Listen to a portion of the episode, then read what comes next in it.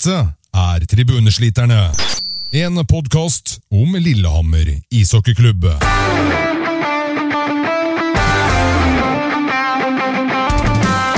Si hei til Håkon, Espen og Hans Christian. Velkommen til en ny episode av Tribuneslitterne. Dette er vel nummer 11 i rekka. Eh, I dag så skal vi prate litt om de to kampene som har vært siden sist. Det ble jo var Mjøsderby i helga hvor Storhamar til slutt vant 4-3 etter Sudden. Og ja, akkurat i dag så har Lillehammer vunnet 5-2 mot MS. I tillegg så skal vi se litt framover mot kampene mot Stavanger lørdag, og så er det hjemmekamp mot Stjernen på tirsdag. Eh, I dag er det altså vi tre faste. I tillegg så har vi med oss en gjest som vanlig. Ishockeyjournalist i VG, Vegard Aulstad. Han skal vi bli litt bedre kjent med nå først.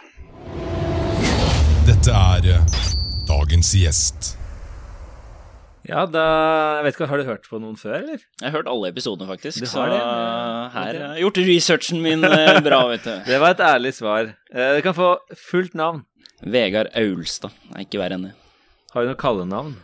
Ja, Aula er det noen som drar seg til, og så er jo noen av mine nærmeste venner kaller meg for Carl Reverud. er det du som arrangerer de her Reverud-lekene? Ja, det er helt riktig. Ja, det stemmer. ja, okay. Eh, har du noen egne meritter på hockeybanen? Nei, dem er få. Jeg tror det er bare å spille den der LK-sangen og si takk for i kveld og ses om en til to uker hvis vi skal gå inn på det. Da blir det kort podkast, så merittene er dårlige. Men eh, noen er best på sidelinja, og det var kanskje der jeg fant min plass. Eh, Du, du er jo journalist i, i VG. Gratulerer forresten med fast uh, Jo, takk for det. Takk for det. Håper det blir en del tid til å jobbe hockey. da. Jeg gjør min, mitt for å for jobbe det, men uh, det er ikke alltid. Nei. um, det, men vi kan vel si at du er, du er jo Lillehammer eh, Heier på Lillehammer. Ja, altså, jeg er jo herfra, så naturlig vil jo være å si at du ønsker Lillehammer alt godt. Jeg kan si det så langt, men uh, du blir jo kjent med mye andre gode klubber òg, så mm, du blir jo litt nøytral når du blir journalist. Sånn er det, sånn er det bare. Men, uh, men uh, jeg er Lillehammer-patriot eh, og glad i byen min. Ja. Eh, Da kan, da kan vi spørre om det her, da. Beste LIK-minne?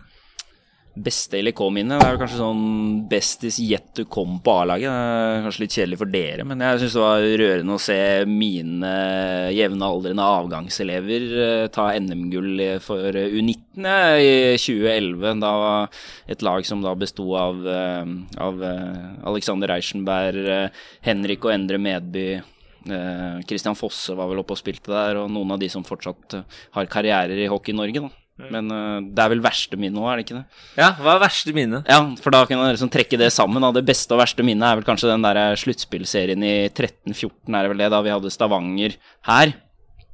eh, I kamp seks uh, og kunne klinsja finalespillet. Og da skulle møtt Vålerenga, som jeg kanskje tror at Lillehammer hadde hatt større sjanse mot enn det de hadde mot Storhamar i vår. Det var vel noen varianter der, Jonte Berg og noe David Brekk og noe greier på Vålerenga. Det var ikke noe, var ikke noe sånn superlag. Og da var jo Stavanger mye bedre enn dem i finaleserien. De vant vel 4-2, men de var bedre. Um, så det var litt sånn synd da, at Lillehammer ikke klarte det den gangen. Eh, Favoritt-LK-spiller gjennom tidene?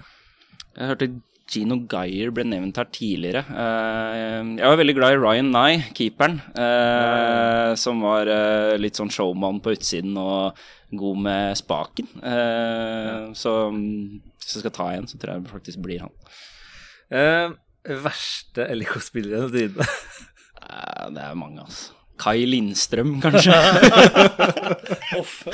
altså, jeg jeg, jeg synes det var så mye dårlig. Han gjorde noe poeng med han Anders Strandberg som lada, da, lada skudd, så han dro med seg pucken over i offsiden og sånn, og smalt til i pleksiglasset og traff aldri mål. Det ble jo noe poeng, men fy fader. Tynn suppe. Ja. eh, nikkers eller brennis? Uh, jeg er jo egentlig mest glad i brenneriet, faktisk. Ja. ja. Øvstebarn? Ja, det var jo det det var, da. Eh, Det er vel på vei litt tilbake nå. Jeg mener jo de gjorde tiendes katastrofe da de la om det systemet sitt og plutselig ikke skulle satse på lørdager lenger, men skulle ha inn liksom fiffe da, lillehamringer som skulle sitte der. Jeg lurer på hva de trodde nedpå der, ja. At folk skulle gå dit hver uke og hver dag og liksom De skulle jo konkurrere med Heim eller noe sånt. Jeg skjønner ikke hva de dreier med, men jeg hører det er på vei tilbake nå, så jeg håper jo det. da, For at uh, da jeg liksom Nå er jo jeg fortsatt i en slags studentalder, da, men da jeg liksom ble 20 år og kunne gå på byen her, så var jo brenneri på sin topp. Uh, eller i hvert fall sin siste topp, før det gikk helt i dass. Så de siste åra syns jeg har vært ganske stusslig. Men uh, Jeg gleder meg å høre at de er tilbake, så får vi se om vi får testa det ut på lørdagen. Hvor vil du minst reise hen? Jordal eller Njål Berge Amfi? Nåværende Jordal, eller Gamle Jordal. gamle Jordal? Uh, minst reise? Nei, jeg trives Jeg er kortere vei til Jordal, så jeg drar vel oftere dit enn inn i Ålberg Ok, og så siste, da. Hvem ville helst vært strandet på en øde øy med? VGs Øystein Jarlsbo eller GDs Anders Espe? Hvem jeg helst ville vært Battle of the. Titans. Jeg hadde, jeg, hadde, jeg hadde nok valgt GDs Anders Espe. Med, med en klar margin. Men hvis det er en hyggelig fyr, han også, så vi har trivdes vi på, på hockey-VM de to siste åra og ellers på jobb sammen. Dette mener vi om siste match. Vi kan ta tråden litt videre og se litt på de kampene som har vært siden sist. Det var jo Mjøsderby nå på søndag som gikk slik som jeg og Valseth spådde. Vi spådde jo siste episode tap i OT, og det gjorde vel ikke du, Espen? Da har ikke du hørt på siste episode, for at det var etter kampreaksjoner, og forandra han til seier. i Og han forandra mening, ja. Men jeg tenker jeg tar det opprinnelige utgangspunktet. Men uh, ja. Det var jo egentlig et sånn, en gyllen sjanse til tre poeng, sånn jeg ser det, og så ble det endt opp med, med ett. Hva tenker dere om kampen? Jeg syns at det burde vært tre poeng også, jeg.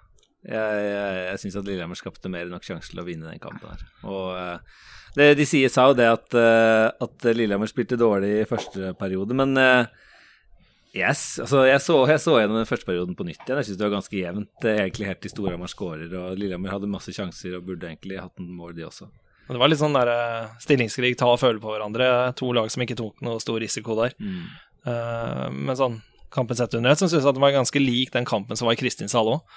Det var også en kamp Lillehammer fort kunne ha vunnet, som de fikk ingenting ut av. Og nå fikk vi ett poeng der, hadde fortjent tre, etter mine øyne, med Lillehammer-briller på. Jeg syns det var litt tamt kamp jeg, til å være derby, liksom. Det var liksom, det var ikke mye Det smalt ikke skikkelig på. Det var litt sånn avventende, egentlig. Og det var liksom Jeg følte liksom begge lagene hadde mye mer å gå på, da. Og føler liksom Lillehammer ser sikkert på det er som en sånn mulighet som sklei fra dem, liksom. Eller ble de ble fratatt dem? Ja, men ja, Lillehammer tapte jo special teams der, og Storhamar uten begge Thoresen-brødrene, liksom. Så det er, det er ikke sikkert det kommer til å bli noe særlig bedre mulighet til å slå Storhamar i år, tenker jeg, da. Ja, Men, eh, Lillehammer rota bort noen Powerplay-muligheter der, sånn, som eh, de burde tatt bedre vare på.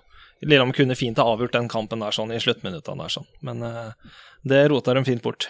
Det var et par, eh, det var et par situasjoner eh, som vi kanskje kan snakke litt om. Hva er det du tenker på, da? Eh, jeg, eh, jeg tenker på, på eh, den uh, taklinga til Larivé på Saksrud Danielsen, hvor, uh, hvor uh, Kvernstrøm pådrar vel Lillehammer en to minutter pga. noe skriking eller hva det var for noe. Jeg skjønte- ikke helt hva det var, men han får iallfall en to minutters lagstraff, og så skårer jo, skårer jo Storhamar etter hvert på der. Hva, altså, hva så, husker du den taklinga?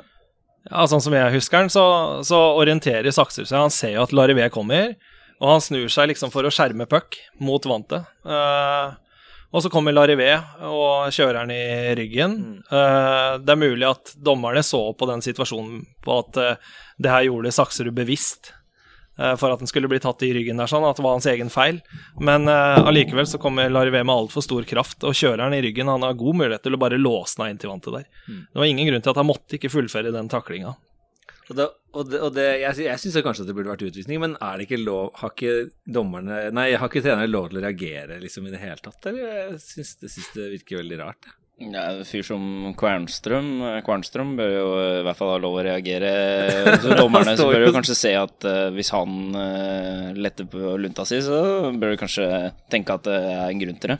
Jeg mener jo trenere skal ha lov å reagere, hvis ikke så er det jo rart. Men det er klart hvis dommeren får en melding fra treneren hver gang skater forbi boksen her, så skjønner jeg at det blir irriterende, men eh, men uh, sånn på generelt grunnlag så må det være lov å si litt Ja, ifra. Jeg, jeg tenker litt sånn, Hvis det ikke er, en, eh, hvis det ikke er sånn åpenbart da, at det ikke er noen som helst, da, så må, så må det jo være lov til å reagere litt spontant. Jeg synes, Så får du slengt liksom etter deg på Twitter av, eh, av Storhamar-Twitter at ja, men det skulle jo klage på liksom sjampo etter den Vålerenga-kampen som var her, da. Ja, det var vel en ekstrem reaksjon Ja, ja, også, reaksjon etter det jeg forstår, så man kan skille de òg, da. Ja, ja, for det var sånn Så du den situasjonen?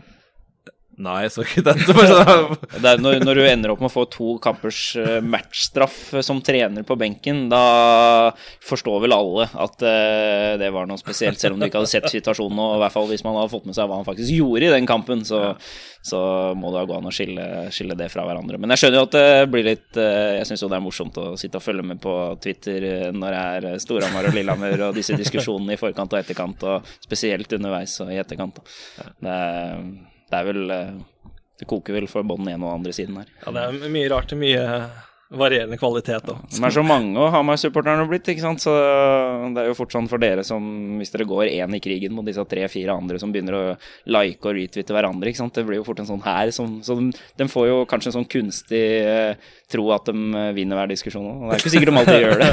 Jeg veit ikke. Nei, de må gjerne tro at de gjør det. Det blir jo sånn at man, Hvis man skriver det, så er det en Storhamar-support som, som uh, svarer, og så plutselig så har de liksom sånne 15 notifications etterpå, Ja. for det har vært masse rare folk og lika det.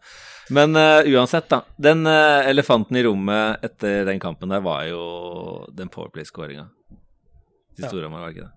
Ja, det er en soleklar tripping på som gjør at Bjerke? Ja, det er eh, rett og slett bedritent at de ikke får med seg den situasjonen der. Det er to hoveddommere. Og det er totalt seks spillere på isen her, og de ser ikke den situasjonen der. Jeg syns det er eh, helt håpløst. Og det er liksom en situasjon som skjer der pucken er òg, liksom. Det er ikke sånn at den skjer Nei, nei. bak ryggen på dommeren eller noe. Det er der de skal Ja.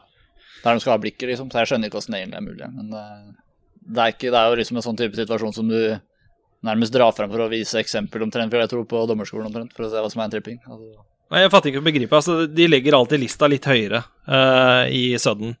Men uh, den var lagt jævlig høyt det, i den Sudden der, sånn, om det der ikke er tripping. Jeg reagerte kraftig på den. Åssen reagerte du på den, eh, Vegard, med VG-briller på? Nei, altså det er jo klart at det er en klar tripping. Det, det er jo ikke noe tvil om det. Så, og sånn jeg forstår det, så har vel dommeren også sett på situasjonen i etterkant. og de som kan faget, har også snudd eh, fra vurderingen som ble gjort spontant her, og de var vel en tur innom Lillehammer-garderoben og sa at eh, det var eh, det var en missed call, en missed call. og dessverre så blir jo det kampavgjørende, og spesielt når det sånn skjer i Sudden, så, så gjør det jo det. Men det er jo en, det er jo en trippingsituasjon som hvis det hadde vært fem mot fem på isen, kanskje ikke hadde fått det fatale utfallet. Men når du ser det i Sudden, så, så blir det som det blir. og Sånn skjer i løpet av en sesong, og forhåpentligvis for Lillehammer sin del, så kanskje de får en andre veien i sluttspillet, ikke sant, eller eh, senere i sesongen, som hjelper dem. Men, eh, men det er jo det er synd at det skjer. Eh, Men jeg syns egentlig ikke det har vært til å sett treningskampen mot MS her før sesongen, så syns jeg faktisk ikke dommerne har vært så veldig i fokus så langt denne sesongen, så vi får, vi får si at uh, det er greit, da, fra Ja, min side. vi har vel ikke snakka noe særlig så mye om uh, dommerne heller siden den treningskampen, tror jeg. Nei, så- Nei, vi hadde den der runden med late hit her i Ja. starten, men vi har jo det er det ikke sett. Det er den verste hockeykampen jeg har sett noen gang. altså. Men eh, vi har jo ikke Jeg syns dommerne totalt sett har vært egentlig bedre enn forventa så langt i sesongen, da. Så, men en ting jeg tenkte på etter den situasjonen der, da, var jo at det var det samme paret som dømte mange av kampene i finaleserien, da, Hallin og Persson. Og så de var vel tre dommere som rullerte der, da. Og de hadde jo en del eh, situasjoner i finaleserien her som også skapte litt uh, oppstyr, da. Blant annet et mål i kamp tre der hvor uh, Nichols omtrent lå oppå Bengsberg, og det ble godkjent Ja, ja, ja. der. Så det har vært en god kombo, tydeligvis. Halin og Persson i Men det blir jo det blir litt det samme som for de som eh, holder med et eh, mindre lag som er oppe og ypper seg oppe på Lerkendal mot Rosenborg der. Da. Det er liksom mange tilskuere, trøkk og de største klubba. Og jeg har jo sett hvordan det har vært i Stavanger, og det er tøft for de dommerne å dømme mot dem. Så at det er noe i det der eh, at du får litt fordel når du er stor og sterk, det, det, det kan jo alltids hende. Så mm, ja. Men det var, jeg hørte, jeg hørte faktisk på en annen podkast, en engelsk podkast fra The Guardian, faktisk. Du er så internasjonal, altså. Ja, jeg er veldig internasjonal. Men, men der snakka de om at det var, jeg tror det var på 90-tallet eller tidlig 2000-tallet, hvor det, det hadde vært eh, Det hadde vært noe eh, bråk, tribunebråk, sånn at det var en del kamper som skulle gå eh, uten spillere på tribunen i Serie A. Da. Og da var det noen eh, italienske forskere som hadde hadde, hadde skulle, tenkte å skulle forske på det her, da, hvordan, liksom, samme, hvordan, hvordan man kunne sammenligne kampen uten folk på tribunen og, og med folk på tribunen. Og da var det jo ganske tydelig at, eh, at, hjemmelag, at det jevna seg mer ut, dømmingen, da, eh, når det ikke var folk på Ja, tribunen. det, er jo, det er ikke så overraskende. Nei. Du trenger ikke akkurat forske lenge på for å skjønne det. Det er jo de er mennesker, de blir påvirka. Av faktorer rundt seg. Det er jo helt normalt. Ja, men uh, nå er det sånn da, Espen, at det, det er jo greit å ha litt forskning og slå i bord med hvis, ikke blir det mye mening. Vi kan vel gå litt videre fra den kampen, da. Kanskje se litt på kampen som Nei, jeg vil si én ting til, uh, og det er det at uh, det, Jeg syns Når man først Ok, vi kan si, da, greit, eh, det var jo tripping eh, og alt det der, men jeg syns ikke det var, var ikke veldig overraskende at eh, akkurat var Bjerke som var inne i den situasjonen der. Det er jo en tripping, men han hadde jo spilt på så sinnssykt høy risiko hele kampen og hadde jo holdt på å gjøre mye rart egentlig hele kampen igjennom, så det var ikke helt overraskende at det var han, kanskje. Som. Nei, det var ikke hans beste prestasjon i Lillehammer-trøya, det der, nei. Men akkurat det var tripping. Men det var det siste jeg ville si, så da kan vi gå videre. Da kan jeg dra fram en god prestasjon, da. Siden vi skal dra ut det her i Langabreia. Men eh, Saksrud Danielsen hadde sin beste kamp i Lillehammer-trøya på Hamar. Det var på tide. Ja, det var på tide. For det, det har jeg savna mye fra han i år, men jeg syns han var veldig bra der. Det fins en annen norsk back som hadde vært relativt billigere ute på MS i dag, som logger over 30 minutter, som heter Tord Thoresen, som eh, også var aktuell her før sesongen. Så, så jeg bare Man må forvente litt av Saksrud Danielsen, som kommer hit som, eh, som mid-age, eh, inn på vei prime age som sin hockeyspiller. Altså det, man må ta tak bak der, så Ja. det var på tide. Så får vi bare håpe for hans del og Lillehammer sin del at eh, det er på vei til å bli bedre. Da. Han kom hit for å kjempe om landslagsplass, det sa han jo sjøl. Og han har vel ikke akkurat vært på et landslagsnivå så langt. Nei, si ikke det, si ikke det. William Strøm var jo på landslaget tid til ofte. Er ikke sånn at- Slangetemmeren. Ja, det er ikke sånn at han har overprestert akkurat helt. Nei, men du må tørre å ta litt altså, Han som, som Saksrud Danielsen har jo litt offensive ferdigheter i seg. Må ta litt tak der ute og liksom være synlig i kampene. Han er liksom sånn Jeg tror ikke de som eh, Hadde Lillehammer spilt mye TV-kamper her nå, så jeg tror ikke kommentatoren hadde snakka mye om det Saksrud Danielsen leverer offensivt. Nei, det liksom, så, det han gjorde på Hamar nå, da tok han virkelig tak Ja, det. det- sånn som han var helt hel- til å vise seg fram utpå der. sånn. Og det er som, sånn burde det Det kan ikke bare være sånn at det er kun på Hamar at han skal eh, få til å prestere sånn. Nei, for i dag igjen skulle kunne jeg gjerne trengt at noen bak der også tok tak igjen når Lillehammer begynte å Nå har ikke snakke om den kampen ennå, men at det, liksom, det begynte å hangle litt i tredje periode. Så er det sånn, sånn der, Du vil jo se de der, at de prestasjonene der er litt jevnere, da. Og han må man tåle å snakke til og som trener, mener jeg. At du sier at eh, dette, det, det finnes jo backer utenfor laget her også som kunne logga mer istid, så ja. Men det kan jo til kampen mot MS nå. Eh, 5-2-seier. Det var så veldig komfortabelt ut lenge der. 4-0 etter to perioder. Og... Men så var det en tredje periode som var, eh, må jo være lov å si, skikkelig dårlig. Det, det ble jo spenning der på slutten, faktisk, med 4-2 og så 5-2 tompult helt, helt på slutten. Det starta jo Jeg syns det var sånn typisk eh, åssen alle kampene mot MS starter, egentlig. At eh, Lillehammer ser litt sånn blir tatt litt på senga, og MS kjører liksom på. Jeg syns helt fram til Lillehammer scorer, så syns jeg egentlig at MS eh, spiller ganske bra, altså. Men, eh, men Lillehammer tar mer og mer over i den første perioden og vinner en 2-0. Etter skåringa Hvem var det som skåra, egentlig? Nord og Denin. Og Dinin var det. Så øh, Men jeg syns, jeg syns alltid det er ekkelt å spille Og jeg spiller jo ikke, da, men det er alltid ekkelt å se på at Lillehammer spiller mot MS, da. Det er ekkelt lag. Jeg syns det var en ganske seig første periode, for Ja. Lillehammer får to mål på slutten her i overtall. Og får liksom kampen inn i sitt spor, og i andre perioden er det jo egentlig overkjøring. Da kunne det nesten vært mer enn en 4-0 òg. Men så faller de jo egentlig helt sammen der en stund i tredje perioden. Det var, jo, det var jo ganske jevnt helt til øh, MS pådrar seg en del øh, utvisninger på, mot slutten av første perioden som Lillehammer utnytter og, og tar 2-0, øh, men ja. I, I andre perioden var det jo bare ett lag på isen, egentlig. Så vidt jeg Ja, det var klasseforskjell på laga i andre perioden der, sånn. Og det virker som Lillehammer går litt i den fella at eh, kampen er avgjort før tredje perioden. Nå skal vi bare sikre det her inn.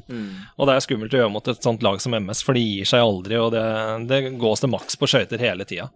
Og så får de to i nettet der sånn i tredje perioden, og da begynner ser du på Lillehammer med en gang at det blir litt sånn usikkert og litt panikk bak der. og Det ble mye rot. Det ble mye rart i siste perioden her, altså.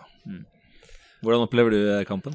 Nei, altså det er jo litt sånn som dere sier, men totalt sett så går man ut her og tenker at eh, Lillehammer kan ikke være veldig fornøyd med sånn som det ender, fordi at eh, du går av kampen med en dårlig følelse, selv om du sannsynligvis satt med en god en da du gikk i perioden etter andre. Men uh, man må tenke på at MS har uh, Matthew van Voris ute og Sam Kwata, som kanskje er de to beste spillerne på laget, eh, og kommer hit og Og eh, er, det, det er, de, jo, de er på en måte inne i kampen helt til det med utvisningsminuttene, hvor, hvor du setter deg litt i en vanskelig situasjon. Og så er Lillehammer størst og sterkest som lag, og også best i andre perioden, før kampen inn i sin gate, hvor de liksom viser at eh, de er store gutter, mens de MS, som naturligvis er et eh, litt sånn kortvokst lag, hvis man skal kalle det det, For, for kommer ikke helt opp i Lillehammer. da. Mens eh, i tredje perioden ser det motsatt ut. Da er det de som spiller med den trøkket og viljen og liksom gjør det ekkelt for Lillehammer. da, og Det er jo ikke mye pasninger som treffer rett mann eh, i tredje periode der. Og der savner jeg liksom at eh,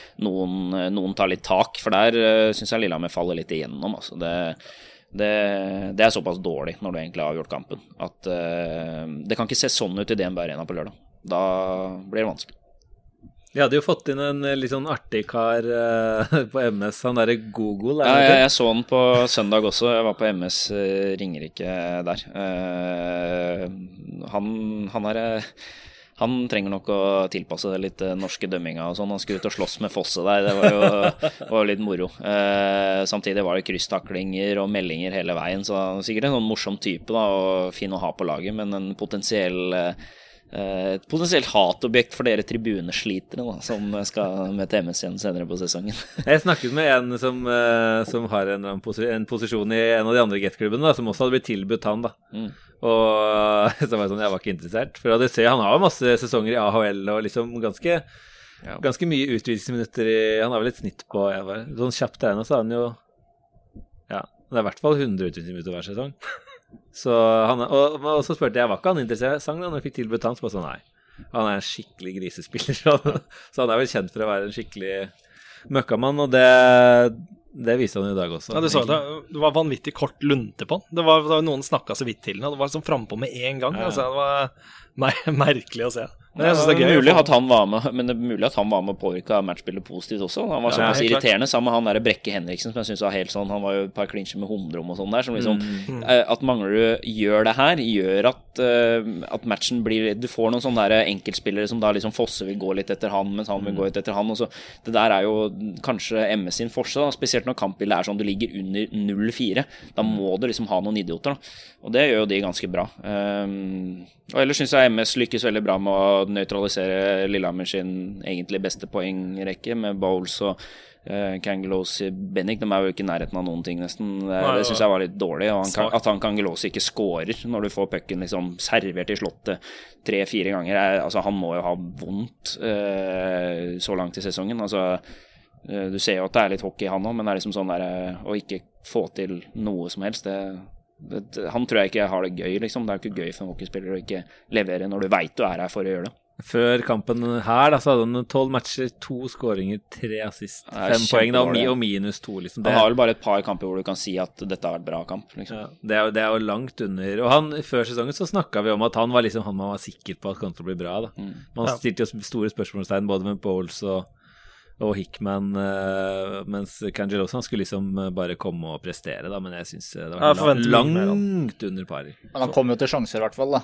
Sånn, Ja, det må han jo gjøre når han Ja. spiller i sone med de beste spillerne hele tida. Altså, liksom sånn der, du- da må du jo komme til de sjansene Altså sånn eh, Altså, hva skal vi forvente Altså, Hvis du sammenligner hans tid da på isen sammen med andre løpere, så er det liksom sånn Hvis Ja, du ikke nei, jeg er hadde helt det, enig, da helt enig. men uh, det er liksom, hvis man skal prøve å finne noe positivt Ja. i det så- Ja, han vinner dropper, da. Ja. Jeg var ikke så bra på dropp i dag. Nei, faktisk. eh, I dag var det svart. nei, men han, eh, det, det er også en sånn spiller som trenerteamet må liksom Jeg regner med at de gjør det, da. Men altså sånn derre her, her er du for å levere og liksom Jeg tenker En ting er jo levering eller produksjon, da, men jeg har egentlig blitt ganske skuffa over han defensivt òg. Spesielt i starten Ja. av sesongen så rant det jo inn på den rekka i den andre rekka der. Nå har det blitt litt, litt bedre etter hvert. Men jeg, han, han ble jo liksom solgt inn som en skikkelig toveissenter som skulle være bra begge veier. Og det kan vel ikke si at den har. Tidvis så kommer du til å få bruk for det òg, og da får han testa seg igjen. Og hvis han er dårlig da, da, da er det bare å si at det er en flopp, liksom. Så du kan ikke vente 20 kamper på at en spiller skal begynne å levere, når du ser at Bowles tidvis, tidvis blir bedre og bedre. Kanskje en litt backsteg i dag, men og samtidig han Hickman, da, som også tror jeg har liksom tilpassa seg mye mer isen her. Og det håndleddskuddet, det kan jo drepe. Ja, det er helt Eh, det er helt sinnssykt. Han skåra vel tredje i dag. Det er helt vilt, altså. Og når du ser det spesielt live Jeg har ikke fått eh, sett Lillehammer så mye live i år ennå, men uh, nå fikk jeg sett det i dag, og det er liksom Wow. Ja, han hadde to i Powerplay der òg, og de var knallharde. Og begge hadde eh, vanvittig retning opp mot kryss, begge to, altså.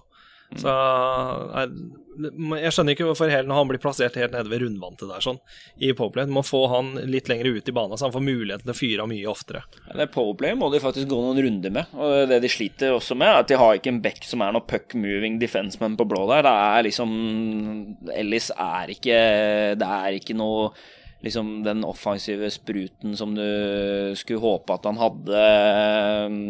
Tar jo sjelden skudd. Eh, Saksrud Danielsen har jo fått sjansen her, har jo ikke prøvd det. Det er jo egentlig sånn Jonas Medby som, eh, som er den spillertypen i laget, men når han liksom er bestemt at det skal være sjuende back, så skjønner jeg at man går med noen andre, andre der. Men, eh, men det powerplayet er jo Du ser jo tendenser da, til at de som tar tar sona der. Men der er jo Lillehammer forbedringspotensialet. Men der tror jeg det ligger et potensial som Lillehammer kan utnytte òg, hvor de kan bli bedre.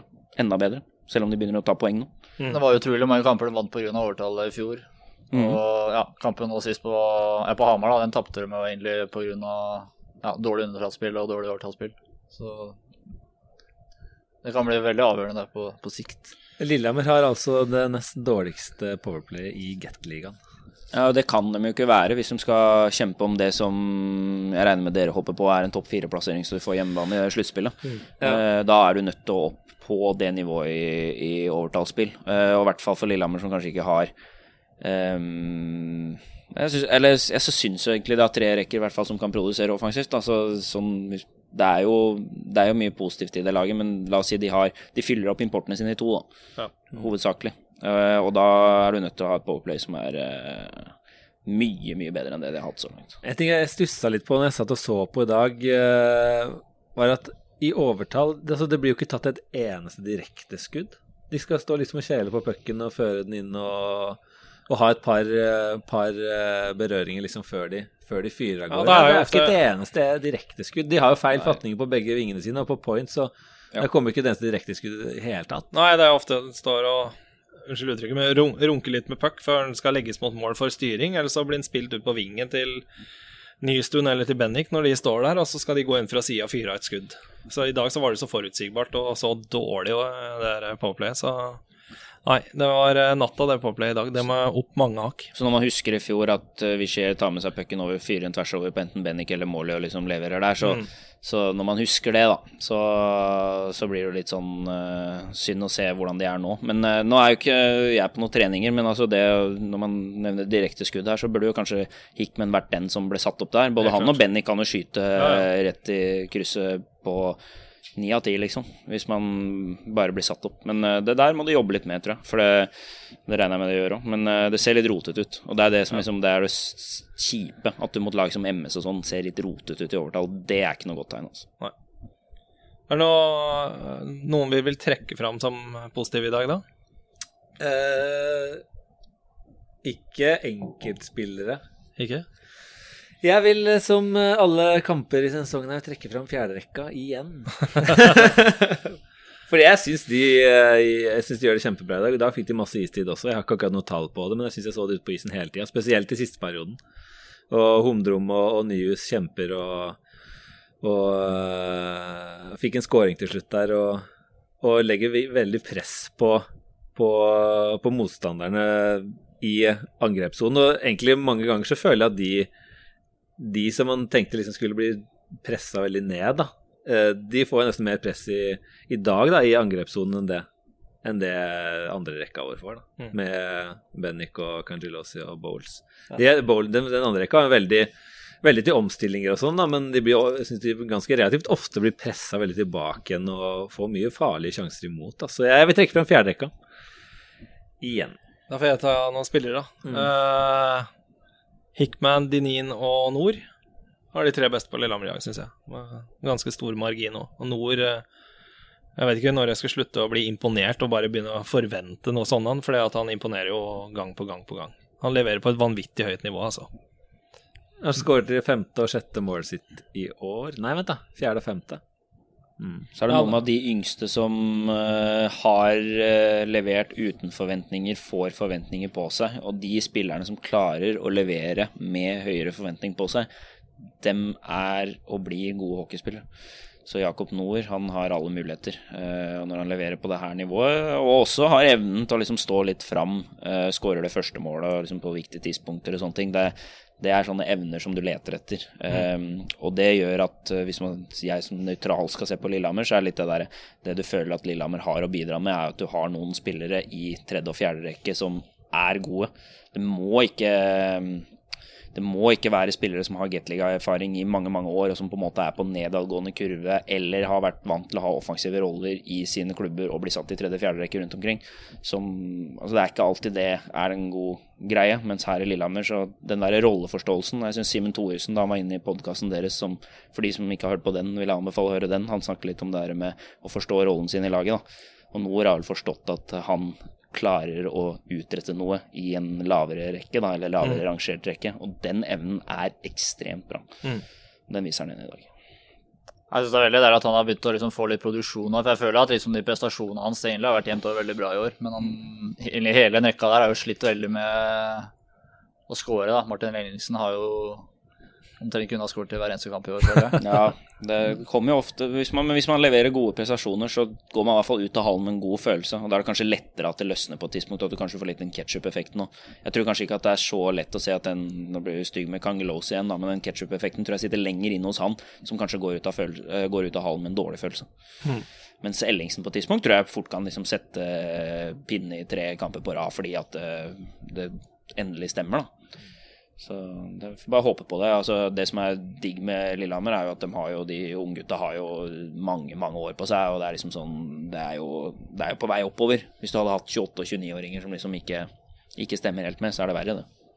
Vil du trekke fra noen, eh, Boje? Jeg tror det, hvis jeg skulle gjort det, så har vi egentlig vært innom, innom de jeg vil trekke fram. Men jeg er veldig fornøyd med tredje rekka i dag. Da. Jeg syns den var den beste, beste rekka i dag, med Nystuen, Nord og Ellingsen. Spesielt Nord og Nord egentlig da, og Ellingsen syns jeg var veldig friske der i andre perioden. Der var det jo fullstendig overkjørsel der. Da kunne de jo Ja, den rekka fikk vel ett mål, da, og så skåret Nord i overtall, men det kunne jo vært mange flere der heller. I hvert fall et par til der òg. Det er underholdende å se på den rekka der når de, når de glir. I dag syns jeg den var den beste. Er det, noen, er, det, er det noen du vil trekke ned? noen spillere? ja. Er det noen du syns vi refererer til? Nå har vi snakka om én, da. Men er det, er det noen som må komme seg opp i ringa, som vi sier det? Jeg tror ikke det er noe som vi ikke har vært innom før, men eh, jeg hadde jo håpa at Saksrud Danielsen skulle være bedre i dag etter det han viste på Hamar sist. Da følte jeg at da var det et skikkelig steg i riktig retning når han var litt fyrt opp for å komme hjem og spille der. Og nå fikk han vel Han hadde vel én assist i dag, men jeg følte liksom at det var Jeg forventer mer enn det der, altså. Ja. kan jeg si en? Ja. Uh, si jeg, altså det er jo sikkert som å banne i kjerka og alt det her, men jeg må si at jeg syns kanskje Stein Tore Bakken enten må innse at nok er nok, eller komme seg på et mye høyere nivå snart. Fordi at uh, det er kanskje Eller så må det liksom sies fra til han òg at uh, dette her holder ikke. Fordi spesielt på Hamar, da, så er de skyld i de to første måla. Det er liksom Det har jo vært jevnt over ganske dårlige prestasjoner. Og det backparet Ellis Bakken har ikke fungert i det hele ja, det har, tatt. Det har vi vært innom 30 hver eneste episode her. Ja. ja. Men, uh, de har jo kommet seg litt uh, Altså De lå jo på minus 8 og minus 6 en stund der, og det har jo heldigvis kommet litt opp der, da. Men Uh, vi kan jo se, da. Ja, Brennan Ellis Før den kampen der så lå han på minus tre, og Bakken lå på minus tre. Men Bakken fikk vel tre pluss i dag? Ja, det kan godt hende, men jeg snakker om før den kampen her. Da. Ja. Men uh, mens uh, Saksrud Danielsen har faktisk pluss tre, da. Før den kampen her. Ja. På ni kamper. Så uh, han er vel en av de få ja, Sotski og det er jo selvfølgelig noen andre på pluss også, men uh, jeg, jeg syns egentlig Kanskje det var litt, litt ned på, på Saksrud Danielsen i dag, men jeg syns han liksom fremstår som som uh, den, mest, den beste bekken vi har, da. selv om man kanskje kan forvente mer også. I hvert fall høyere forventninger generelt til Lillehammer sine bekker. Den må presteres bedre, og Ellis som importbekk må ta litt mer tak. Altså. Uh, det du så i sluttspillet før, jeg vet ikke om han var ekstra tent det da, men liksom, da hadde han noe å bidra med offensivt. Det har du ikke sett noen ting til i denne sesongen. Så, så Hvis jeg skal trekke fram ja. noe positivt blant bekkene, så vil jeg trekke fram Bjerke. da Han syns jeg har vært bra i siste. Han hadde ikke noe spesielt bra match på Hamar, som vi var litt innom, men jeg synes han, han, synes liksom, han ser at det har potensial. Liksom. Han, kan, han kan bli skikkelig bra. Ja. Men uh, han spiller på litt høy risiko innimellom. Han gjør det i dag òg, altså. Ja. Så ja. Men ja, jeg liker det egentlig, da. Det er bra, det. Du må, tø du må tåle at de unge bekkene gjør feil. La oss ja. si han, Jeg nevnte Jonas Medby i stad, som jeg syns er en spennende bekktype. Som du kanskje har du har, du har, ikke mange av de i Norge nå. Som faktisk har noe å bidra med offensivt. Um, og Problemet er jo at med en gang de blir gjort Med en gang de gjør feil, så tar gjerne trenerne dem av. Uh, og det er jo litt synd, fordi det er jo de bekktypene du vil ha fram. Og hvis Lillehammer liksom vil ha fram en norsk bekk som gjør noe um, offensivt, så burde kanskje han fått noen flere minutter. Og jeg mener det har ikke vært noe problem å hvile bakken, f.eks.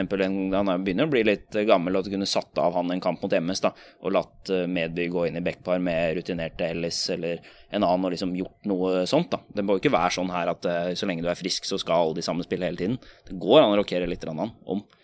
Nei, I hvert fall ikke, i hvert fall hvis de ikke liksom presterer sånn voldsomt bra. Nei, det er jo akkurat det. da Det er jo Sodski har ikke alltid hatt verdens beste sesong, han heller, liksom. Så det, jo, det, må jo være mulig å presse dem litt rann, uh, uh, og få inn litt andre typer også. Så kan det hende at det passer uh, Noen ganger passer en offensiv backtype en eller annen motstander bedre, og på hjemmebane kanskje bedre. Jeg vet ikke. Det virker som om liksom den ja, den... Det virker som Kvarnstrøm har bestemt seg litt for hvem som skal spille. Men ja. ja, nettopp. Både på løpersida og på backsida, egentlig. Ja. Det er ikke mye det er ikke mye som kastes rundt her. Ja, Det sitter langt inne for han å gjøre noen store roteringer. Nei, dag, altså. det, det, er kanskje, det, er kanskje, riktig òg. Han sa til meg før sesongen da jeg var her oppe og, mm, og intervjua det i Lillehammer og sier at det, liksom, det, kommer nok til å ta litt tid før vi ser ut som vi skal, og det er jo sikkert helt riktig òg. Det, det er jo sånn Du kan ikke bare erstatte 150 poeng fra seriespill og liksom inn og tenke at alt skal se bra ut med en gang. Og han har på en måte i og for seg hatt rett i det, da, at Lillehammer liksom må spille seg litt inn i sesongen. Det har de jo gjort.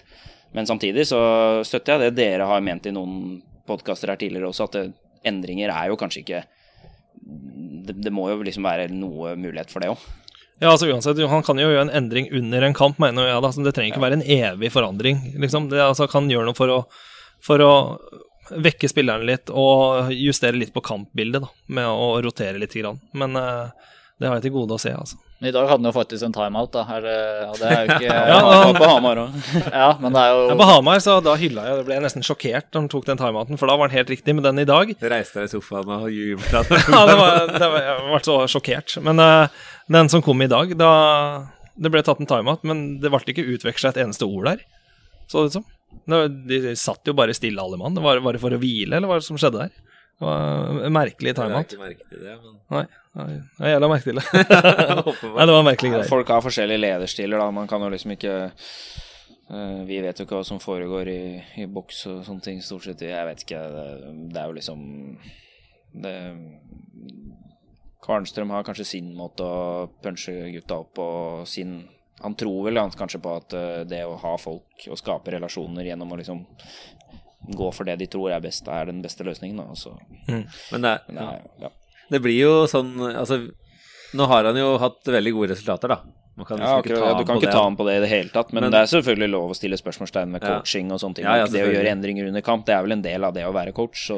Ja, ja. Det, men det jeg tenkte på, var at eh, det blir jo hvis, det, hvis man har sånne dårlige perioder, da, så blir det jo veldig lett å ta han på at han bare står der. på en måte. Da. Det blir sånn der, må gjøre noe, må finne på noe, liksom. Ja, Hylekoret kommer ganske fort på Lillehammer på det der. Altså, ja, det, mange, det sitter uh, det er uh, veldig latent for folk å hyle ut om det der med en gang. Hvis Lillehammer gjør en litt dårlig kamp, så er han handlingslamma, og det er ikke måte på, liksom. Det, det, men det er sånn, For å ta det litt i forsvaret så syns jeg det er sånn derre Jeg syns ikke det er helt uh, det derre at det ble reagert så veldig mye på det i fjor, at det liksom det blir ikke sagt noe, eller han blir ikke sint, eller liksom det ser ikke ut som han er engasjert. Jeg mener at det er steinalder-trenergreiene med å stå der og skrike og belge og liksom være forbanna, det er, det er liksom litt utgått på dato, det òg. Så er det, det er ikke sikkert at det derre klikker fullstendig i garderoben og kjøre hårføneren liksom er løsningen på alt. Så det å ha en litt sånn derre eh, lugn tilnærming til det hele kan også være en fordel, og mm.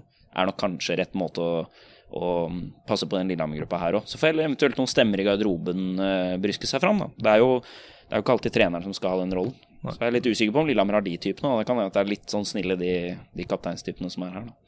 Kanskje det var derfor han fikk utvisning på Hamar, for dommerne ble såpass sjokkert. Ja, det, det, det, det, Nå sa han først hos det vært noe jævlig stygt, liksom. ja, det var sånn, oi. Ja, ja. Hørte egentlig hva han sa, men han må få det for det der. Dette mener vi om kampene som kommer. Vi kan jo se litt framover, da, når vi har vært innom de to kampene her. Nå er det jo eh, kamp i DNB Arena mot Stavanger på lørdag. Den uh, kampen som var her tidligere i sesongen, det var vel noe verste som har skjedd eh, i sesongen her, den første perioden der. Og når, ja, Det var første kampen hvor eh, Vigier og Molly var tilbake, og det var jo helt lekestue egentlig hele kampen nesten, men spesielt i starten her. Der syns jeg supporterne var flinke på Twitter i forkant. Der uh, gjorde du en jobb for Lillehammer. Altså å sitte og skrive til de Stavanger-spillerne om hvor jævlig de er, for å liksom punche opp de til match. Det Sett utenfra er det helt uh, hjernedød vurdering, og det var det de trengte. Altså hvis du, hvis du Altså han som skrev, og de som skrev, kjenner vel David Morley godt nok til at uh, han trenger jo litt tenning, han, så veit du at han er Eh, verdensklasse Gateliga-spiller, da. Ja. Så han har jo vært het siden, så ja, han, han fikk sesongstarten sin, han. Ja, det var skivebom. Det, det kan jo liksom på en måte forklare liksom at de var delvis fyrt opp, da, men det forklarer jo ikke at Lillehammer var så flate som de kom ut til den kampen her. Da. For det var jo sånn de første tre-fire minutta jeg husker jeg var ikke Halland, jeg så der på Sumo, da var jo ikke Lillehammer ute av Inso nesten. Da ble det bare spilt, spilt rundt og sto liksom bare som passive tilskuere og ja, det er den, det er den der eh, tilbake til hvordan det er mot Stavanger i DNB Arena hvis du er dårlig lag. Det der, og det, Sånn skal det ikke se ut i Kristiansand i det hele tatt. Det, det, men det kan man liksom si seg sikker på at spillerne gikk ut og må jo tenke at det her var flaut. Så forhåpentligvis så ser man jo aldri det igjen denne sesongen her. Eh, og Lillehammer har vært sterke i DNB Arena i det siste. Fra I starten da den hallen kom, så var det jo sånn kamp du bare så på i kalenderen og tenkte at det her blir null til ett poeng, liksom. Uh, mens nå er jo Lillehammer blitt gode der, og Bengsberg har hatt veldig mye gode kamper der. Så um, det må jo være lov å håpe på at lørdagskvelden uh, for lillehammeringer blir innbydet med en uh, seier. Ja, Det er overhodet ikke noen kamp jeg ser på nå som at her har ikke Lillehammer sjanse i hele tatt. Det er fullt mulig for Lillehammer å få med seg noen poeng fra den matchen der. Sånn som du sier at I de siste kampene Lillehammer har hatt i DNB Arena, så har det vært mye gode prestasjoner der og vært, fått med seg bra med poeng derfra. Så det er eh, flere andre arenaer hvor Lillehammer sliter mer, sånn type Stjernehallen osv., som har vært eh, mye verre for Lillehammer å møte de siste åra. Det er bedre å komme til dekka bord i Stavanger, middag i kafeen og liksom fine garderober og alt det opplegget der, vet du. Jeg tipper mm. det har noe å si, ja, altså når man endelig får smake litt på luksusen der borte. Altså, jeg tror det er lettere enn å komme ned i Stjernehallen og veit du skal dusje i en pisskald dusj hvor du må stå i kø i i tolv minutter liksom, uh, før vannet kommer på. Det er, jo, det er, jo, bedre å komme til Stavanger og det opplegget der. Og så funker det kanskje. da, Blir tent at det er mye tilskuere og fine fasiliteter og liten is. Og jeg syns bekkene alltid har vært uh, bekkspillet og liksom der offerviljen i DNB Arena har vært bra, fordi du veit at du kommer dit og må krige. Ja, så har du overhodet ikke noe favorittstempel uansett når du mm. kommer dit. Så vil jo uansett Stavanger ha det favorittstempelet, så du har jo ingenting å tape. Så de slipper seg kanskje litt mer løs. Det er kanskje mye av det det ligger i, at Lillehammer har gjort det ganske mange bra matcher nede der.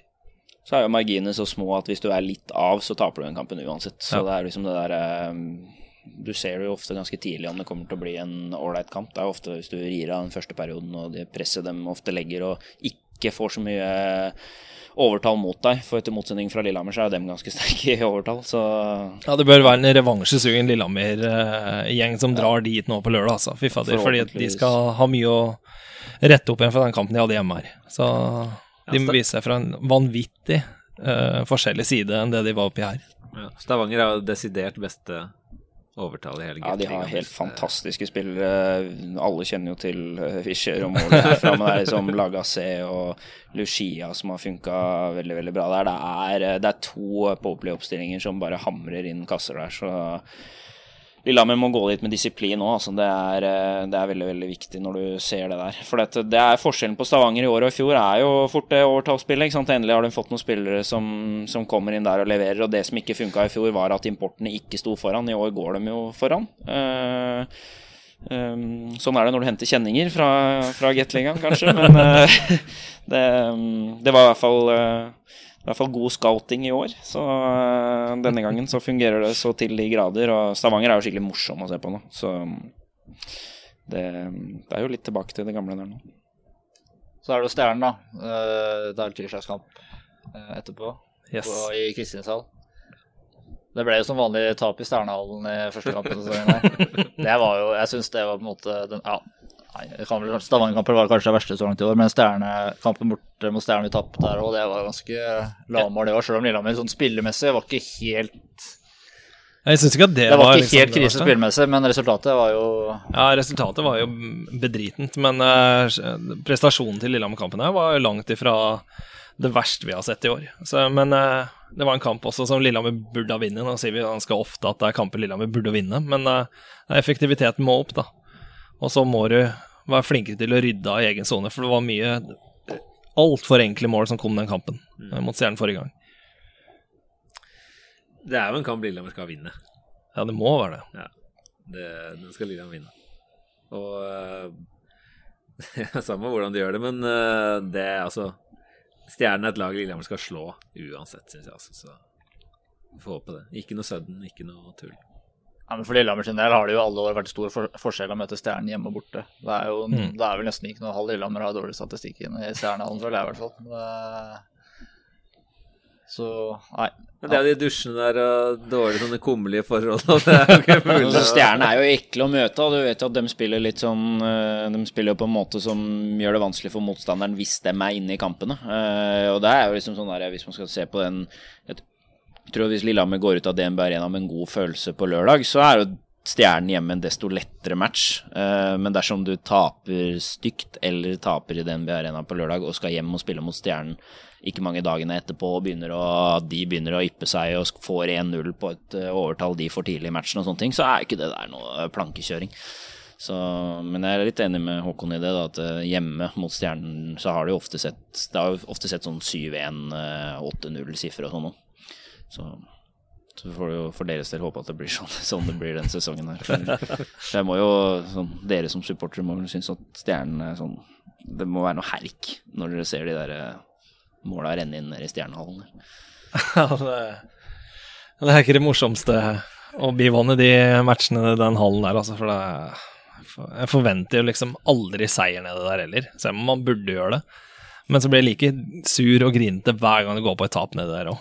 For det er så unødvendig, føler jeg. Men uh, nei, skal Lillehammer være med og kjempe i toppen, så må det Det der må være kamper som vi kan liksom sette Ikke et krav, da, men det vi bør forvente at Lillehammer skal ta tre poeng i de kampene der. Poeng i DNB Arena og seier mot Stjernen på tirsdag, så ser det jo veldig bra ut den runden her med motstand, mot, uh, motstanderne i runde to. Så ja. de har i hvert fall satt seg i en posisjon hvor de er med og angriper, og da, det er det som du sier helt alfa og omega at man slår Stjernen her. Uh, ja. Ellers så blir jo fort de der eh, Der renner jo det, det, er jo jevnt i getten nå, men det blir jo det blir fort spenn altså, hvis du gir fra deg poeng mot de lagene som alle andre slår. Mm. Lillehammer har jo, de har jo liksom klart å kare seg med de seks som liksom har utkrystallert seg litt på toppen av tabellen. Ja. Og, og da, så, da, er jo Stjernen de er jo blant de tre nederste, så da skal man slå dem. Hvis ikke så så er det tungt, det der. Men uh... Man slår det, og den muligheten på hjemmebanefordel er jo all, all mm. tiders til stede hvis du slår de uh, i 19 av 20 også, kamper, og så slår du de andre jevnt og trutt. Lillehammer er jo ofte god å ta poeng mot de lagene som er rundt seg på tabellen, så men nå, nå, går det fort etter hvert her, tror jeg. Så det vil nok være noen lag som etter hvert får noen skikkelige seiersrun og form. Så nå er jo Storhamar fortsatt med i COL, så får vi se uh, hvor lenge det effekter dem. Uh, så vet jeg ikke om det er negativt. Ja. De har en bred tropp og ser at de kan ta poeng med Patrick Thoresen og Steffen ute, så får vi se. Men uh, det må jo være det må jo være poeng mot de gode framover hvis Lillehammer, også på bortis, hvis Lillehammer skal være med. Jeg tenkte vi kunne gå litt videre og prate litt mer uh, Vegard, akkurat om det hockeymagasinet. her. For du jobber jo med ishockey mm. bl.a. i VG, og du er jo en av de som står bak uh, det magasinet som kom for Hvor lenge siden er det nå? Det er vel et en halv måned, kanskje? 21. september, var det ikke det? Så ja. det er vel uh, en måneds tid siden. Så for de som ikke har kjøpt det ennå, så er det fortsatt tilgjengelig i butikkene. 116 sider. Besøkt alle klubbene og bl.a. Lillehammer. Ja, det har jeg lest hele. Det er jo veldig bra, bra opplegg. Kan du si litt om åssen det var liksom å Da har du ikke reist rundt til alle, men en god del av klubbene. Åssen du liksom opplevde det å, å liksom jobbe fram det magasinet? da? Ja, det er jo noe av privilegiet med jobben. da, At uh, du får lov å reise rundt og møte folk i alle klubber. Og sånn for min del som er oppvokst her og kjenner litt til Lillehammer, så har jeg jo aldri vært på innsiden av A-laget og klubben. Så også gøy å komme hit og se hvordan de jobber både her og på kontoret. Eh, også kult bekjentskap med Ringerike, f.eks., som du ser eh, virkelig kjemper med enda lavere budsjetter enn det de har her. Da.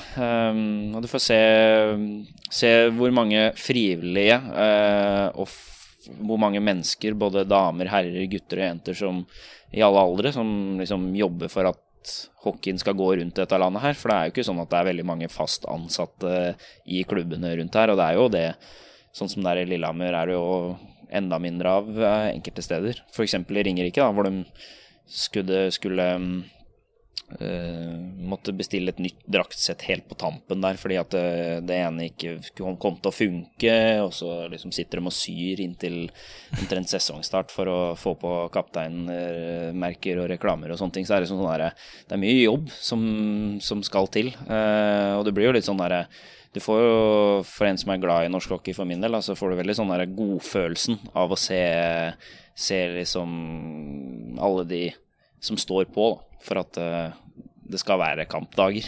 For det, det er en jobb.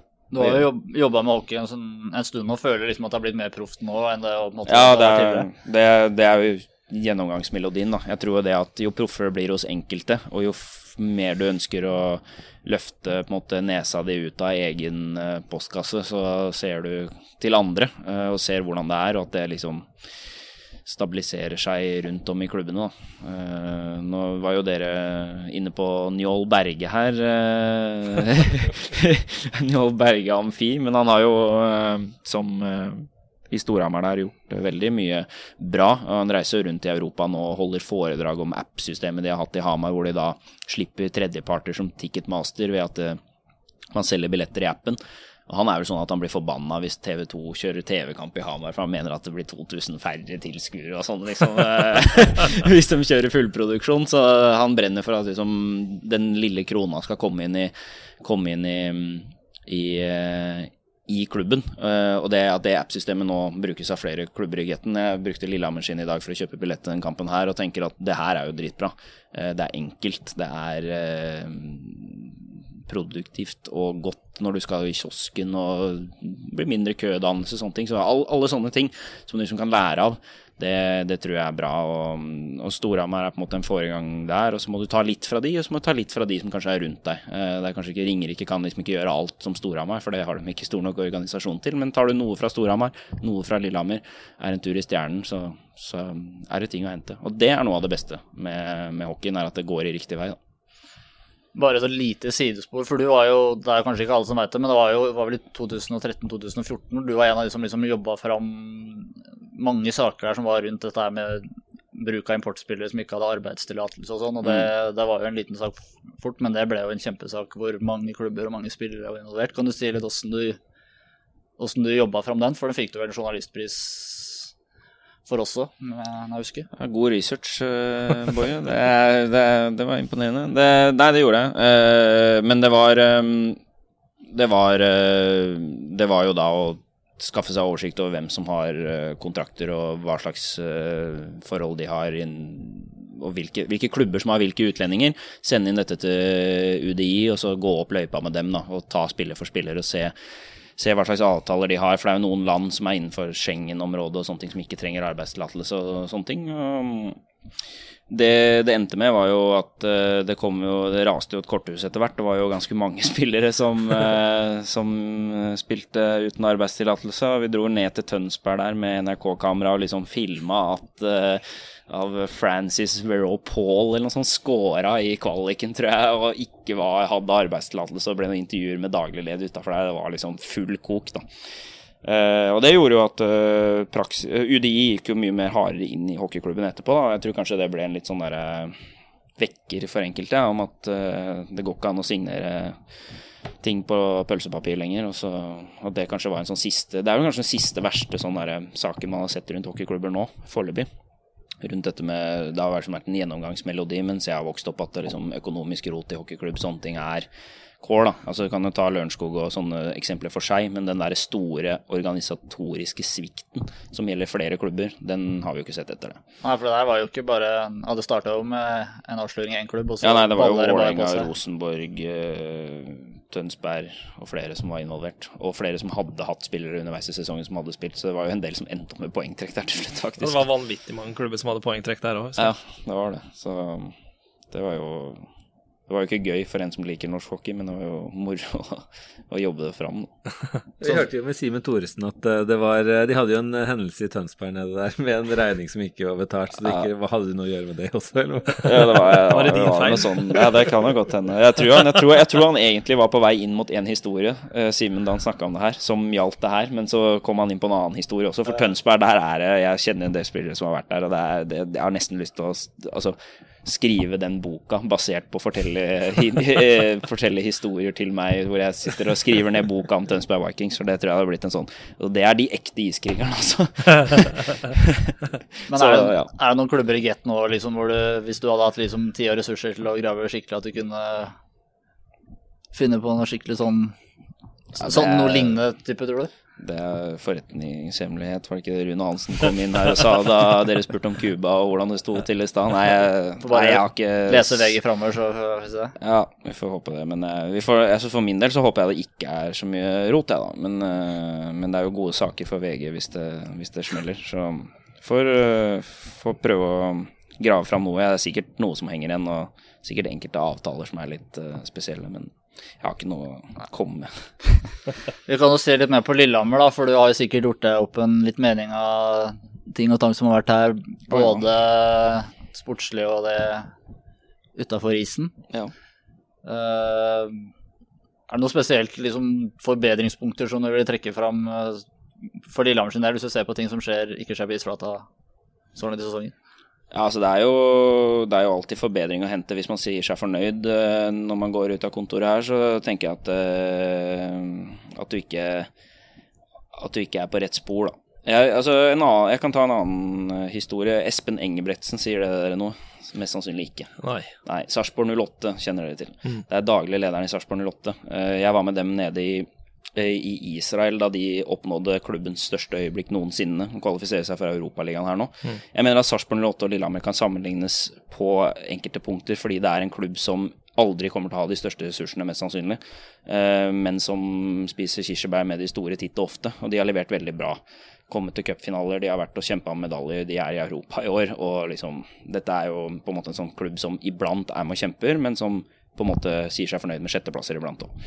Eh, kort fortalt. Um, han sa litt om hvordan klubbdriften var der nede. Um, og der handler det om å være gode på kampdag, men ikke være fornøyde med dette med å bare selge billetter og liksom ha noen folk på kamp.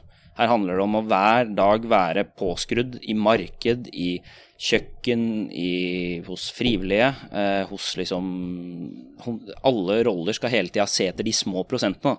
Han sa at det i starten i Sarpsborg 08, som er en ganske fersk klubb, ut av navnet, eh, handla om å finne de 15 prosentene hver sesong. Da. Eh, og han stilte gjerne krav til alt fra frivillig til til, eh, til sport, til eh, styret, om at du hvert år skulle finne 15% når du kom tilbake etter sesongslutt, som da er i november. Altså når du kommer tilbake i mars, så, så skal du liksom ha et forslag til 15% vi skal ta. Og så mener han at de har kommet ganske langt i Sarpsborg 08 nå, da. Men nå er det liksom å finne de 1 hele veien. Eh, og det tror jeg er en sånn at Lillehammer kanskje, som har et lite lite styre og liten organisasjon, eh, må nok kanskje se muligheten i flere grupper hvor liksom flere jobber for det samme. Det der, jeg, jeg, dere liker jo sikkert ikke Storhamar-familien, ikke sant. Det, det er jo blitt litt Han, han dommeren med Han dommeren med gul og ja, Nei, men jeg, jeg liker hashtag Storhamar-familien utrolig godt. Lillehammer, hele dalen og dette her er jo også et bra prosjekt hvis man tenker eh, å markedsføre seg i dalen og sånne ting. Men akkurat det der Storhamar-familien, at alle er med på noe, det er kult. Altså, Lillehammer, at de ikke her på en måte en lørdag lager sin egen hashtag. Da. Hashtag 'jeg vil bidra', f.eks. Hvor du da snakker med bedrifter på fredager, får kanskje mm, materiale fra Maxbo, maling fra Ragnvald Moe. Eh, ting og tang som kan på en måte puttes i hallen her. Eh, og så er det 'Jeg vil bidra'-dagen lørdag. Eh, trenger ikke være en kampdag eller noe som helst, men en dag hvor supportere eh, og folk som ikke har noen rolle i klubben, kommer hit i hallen, eh, jobber dugnad.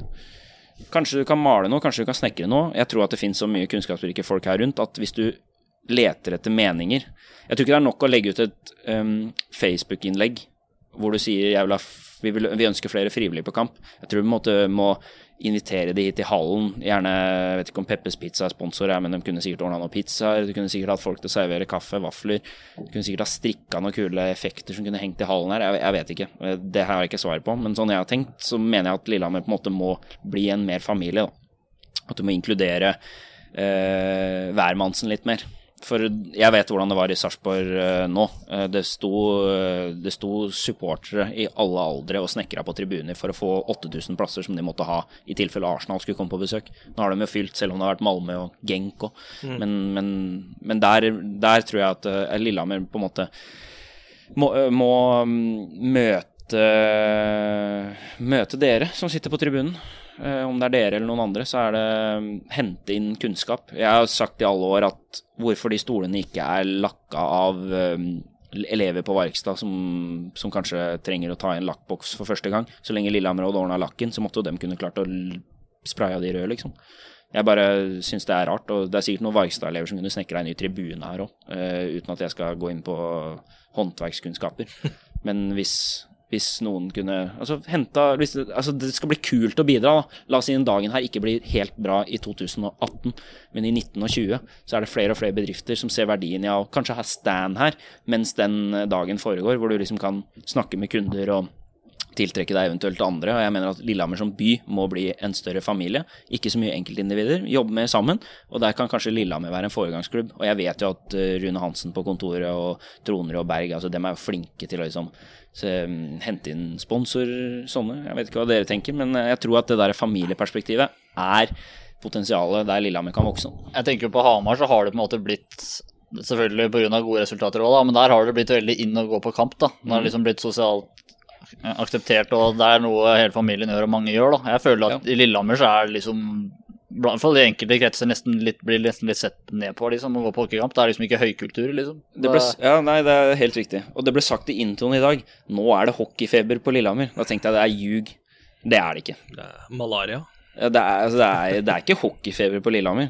Det var så vidt under finalespillet. Da tror jeg nok en del enkelte utenfor eh, innekretsen tenkte at nå er det kult med hockey. Og selvfølgelig Hockey Classic tiltrakk seg mange, men det er jo, hvis du ser på det, det var vel maks 6000 fra 6005, da. Maks fra Lillehammer.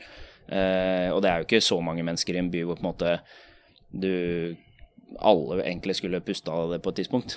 Så, så den der hockeyfeberen tror jeg ikke skal påberope seg enda. Den, den, den ligger litt lenger inne. Men, men jeg tror at hvis Lillehammer tar mer samfunnsansvar, da, som Stavanger Oilers har gjort f.eks., og liksom inkluderer seg i, i bybildet, som jeg vet de ønsker her. Eh, og forhåpentligvis får de en stor nok organisasjon til at noen kan jobbe med dette her, eh, her også. Men f.eks. begynne i egen hall, begynne i egen stue med dette med dugnadsånden, som jeg vet er dritbra på Lillehammer. Altså, da jeg var fotballspiller borte på Stampesletta her, så måtte jeg stå på Birken og ta sekkene til disse Oslo-fedrene som kom her og var forbanna for at de ikke hadde klart merket, og gi inn det. Så folk er vant til å jobbe dugnad her. Og jeg tror at ekstremt mange personer hadde hatt sjukt mye bra å bidra med hvis de hadde fått sjansen her.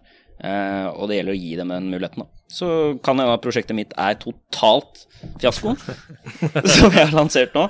Men jeg tror at eh, det skader ikke å prøve. Jeg tror at man må på en måte Man må møte menneskene og mm, gi ansiktene i Kristinshall et navn. Da. At uh, Reidun 40 og Jonny 55 liksom faktisk har en funksjon her. Uh, for det er mange her som tror er villige til å blø for klubben, unge som gamle, eh, hvis de får muligheten. Og det er ikke alle som melder seg frivillig når det kommer ut en invitasjon til å være det, men eh, dersom du har en dag hvor du liksom kan være Lillehammer-supporter i et samfunn sammen med flere, det tror jeg har vært veldig inkluderende. Altså Jeg savner at eh, kommunen skulle tatt litt mer tak over, for det er tross alt de som er eiere av hallen her. sånn. Det, Ja. det skal egentlig ikke være sånn at uh, leietager som skal ta ansvaret for vedlikeholdet, Nei, sånn som det har vært her. De har jo latt det her stå ikke, det er Nesten stygt å si forfalle, men det er jo uh, så å si verdt det. Det har ikke vært mye utvikling her siden hallen ble bygd. Kommunen her er jo ikke idrettsbunch, sånn som den er lagt opp nå. Og de som styrer, er, er ikke inne i lokalpolitikken, så jeg skal ikke forby meg, eh, meg ut i det der. Men jeg kan fullstendig kappe huet av eh, hvordan de tar vare på lagidretten. Fordi den er dårlig. Eh, Du mangler Du kan gå ut for både, både ishockeyklubben fotballklubben er jo, tas jo ikke vare på for fem øre, og det er jo ingen får hjelp. Det er jo samme garderoben som har vært på Stampesletta siden tidenes morgen, liksom. Så det er Og at de ikke har fått en innehall på det største stedet hvor du spiller fotball mellom Det er vel ingen klubber mellom Trondheim og, og Oslo som er i nærheten av eh, Lillehammer fotballklubb i antall medlemmer. Så det er, jo, det er jo helt sjokkerende hvor svake kommunene har vært. Og det har du sett veldig tydelig her i Kristiansand, hvor du har drevet toppidrett i veldig mange år uten å få fortjent eh, behandling for det. Der er det skandalebehandling, altså. Jeg er helt enig. Og det er jo sånn som at eh, gutta på kontoret her, som gjør den De gjør en knallbra jobb med den utviklinga de har nå i vente, med forhåpentligvis salg av halvnavn og den moderniseringa osv. Men at, at det er de som leietager som må ta de grepa der sånn, og gå i bresjen. At ikke kommunen der har, viser litt mer stolthet over et eneste elitelaget som er i byen her sånn, og bidrar og hjelper deg. Det er, det er, det er helt håpløst. Nei, det Den det, det, går sikkert, det er sikkert personavhengig. Fordi at du sitter De som du stemmer på et parti, men de som til syvende og sist sitter og vurderer, det er jo ikke deg og meg. Det er jo mm. de som vi har valgt fram. Og, og der, er nok, der er det nok litt den derre Den lagidrettskulturen på Lillehammer er jo fraværende, ikke sant. Så det er jo det, det, det må bygges over tid, og forhåpentligvis kan liksom hockeyklubben vokse, sånn at flere mennesker som etter hvert vil sitte i posisjoner, også i politikken her i byen, har idrettsverv eller har noe for seg. Mm. Eksempel sånn som for Hockeyforbundets del, da, så er jo nettopp uh, hockeypresidenten er jo nyvalgt uh, Inn Tage Pettersen, er jo Høyre-politiker. Utrolig kult å høre han snakke i media, fordi at han er jo trent i det som politiker og sånne ting. Så det har vært kult å sett uh, en person som har tilknytning til hockeyen, også være lokalpolitiker her, altså som kunne uttalt seg litt i mediene f.eks. og snakka klubben varmt med, på en god måte. Så, så vi får bare håpe at, eh, at eh, både fotballen og hockeyen vokser, så idrettspersoner som ikke bare er én gang, gang, i året, for det er, jo, de er jo sykt gode på å arrangere World Cup her oppe. Jeg har vært en del av det arrangementet og sett hvordan det er. Eh, Birkebeiner, renn og ritt og Ingalomi og alt det her er jo denne byen her kunne arrangert OL Altså Er det én by i verden som liksom kunne arrangert OL, bare fått et OL og arrangert det, så tror jeg det er her. Fordi de er så gode på det. Men, øh, men øh, kommunen jeg er kanskje ikke så glad i den hverdagsidretten. Eh, og har kanskje ikke forstått at det der samholdet i idretten, og det som virkelig skaper en by, da, f.eks. under ungdoms-OL her, hvor ingen hadde en forhold til omtrent en eneste utøver, men samtidig var det stappfullt her i hallen, annet. Det var mange på, på skiskyting med 15-åringer oppe på stadion og sånne ting. Det der samholdet idretten gir, da det er altså så vinnende for en klubb og for et lokalsamfunn. Og at ikke det blir eh, At ikke, eh, altså at ikke de som styrer, ser verdien i det og virkelig satser penger inn i det. Er det noe du skal satse penger inn i, så er det idrett. Altså. Det er sunt, det er godt helseperspektiv. Altså, det er bare gode ting med det. Så jeg deler virkelig dine synspunkt når det gjelder Lillehammer kommune. Der, altså. Lillehamminger er jo litt sånn treige folk, da. ja, Men liksom, trenger ikke å være det? Nei, de trenger ikke å være det, men uh, man går liksom med en sånn drøm om at uh, En sånn her gammel visjon om at man skal være sånn høykulturell by med Mai Haugen og Bjerkebekk og alt det der. Og man skal gå liksom man skal gå, man skal gå på ski, og det er ikke når jeg går på ski, og jeg går på både på Bjerkebekk og Mai Haugen, men det skal liksom være Det skal liksom ikke være hockey, da. Og, eh, Nei, jeg... og, man går jo ikke på fotball uh, altså, Man gjør jo liksom ikke noe før det brenner skikkelig på dass, nesten. Og da blir det liksom fakkeltog i byen for at sykehuset skal legges ned, ikke sant. Men før det så er det ingen bryr seg, ikke sant. Men, nei. Ja, hva er det, For å stille seg spørsmål, hva er det som gjør, deg til, hva er det som gjør Lillehamringen god? Og hvis det er det der som er svarene deres, så får de se på besøkstallene på Bjerkebekk på mandag eller lørdag. Det er jo sikkert turister og et par-tre lillehamringer som har vært der 15 ganger før, liksom. Ja. Altså, jeg mener at det Altså, hvis du skal Du får, du får lage noen nye slagord i den der eh, Visit Lillehammer og greiene her. Hvorfor er samhold og idrett og sånn. Så kan du se hvor de faktisk kan, kan gjøre lillehammeringen til å få et annet preg enn det er, For jeg er helt enig med deg. At eh, det er jo en gjeng med særinger ofte, de som er fra fra Lillehammer og har litt sine egne synspunkt på ting. Og at det der OL gjorde at enkelte ble litt høye i hatten her, det tror jeg, tror jeg det også gjorde. Så det er fortsatt høy i hatten? ja, så, nei, jeg, jeg, tror man må ta litt tak, altså. Det gjelder ikke bare å sitte på gjerdet og vente på at alt skal bli bra. Og det, om det er fra toppen eller bunnen av om det er fra kommunehold eller fra klubbhold eller sånne ting, så det er viktig at noen går foran og vil endre ting. Altså. Vi kan jo gå videre til den nye spalta som vi har i dag, eh, Valseth. Det er første gang vi har den her. Du kan jo si litt mer om hva, hva greia er? Ja, eh, det er eh, Vi har en ny spalte, da, som sagt, og den, den, den heter Timo og Pål.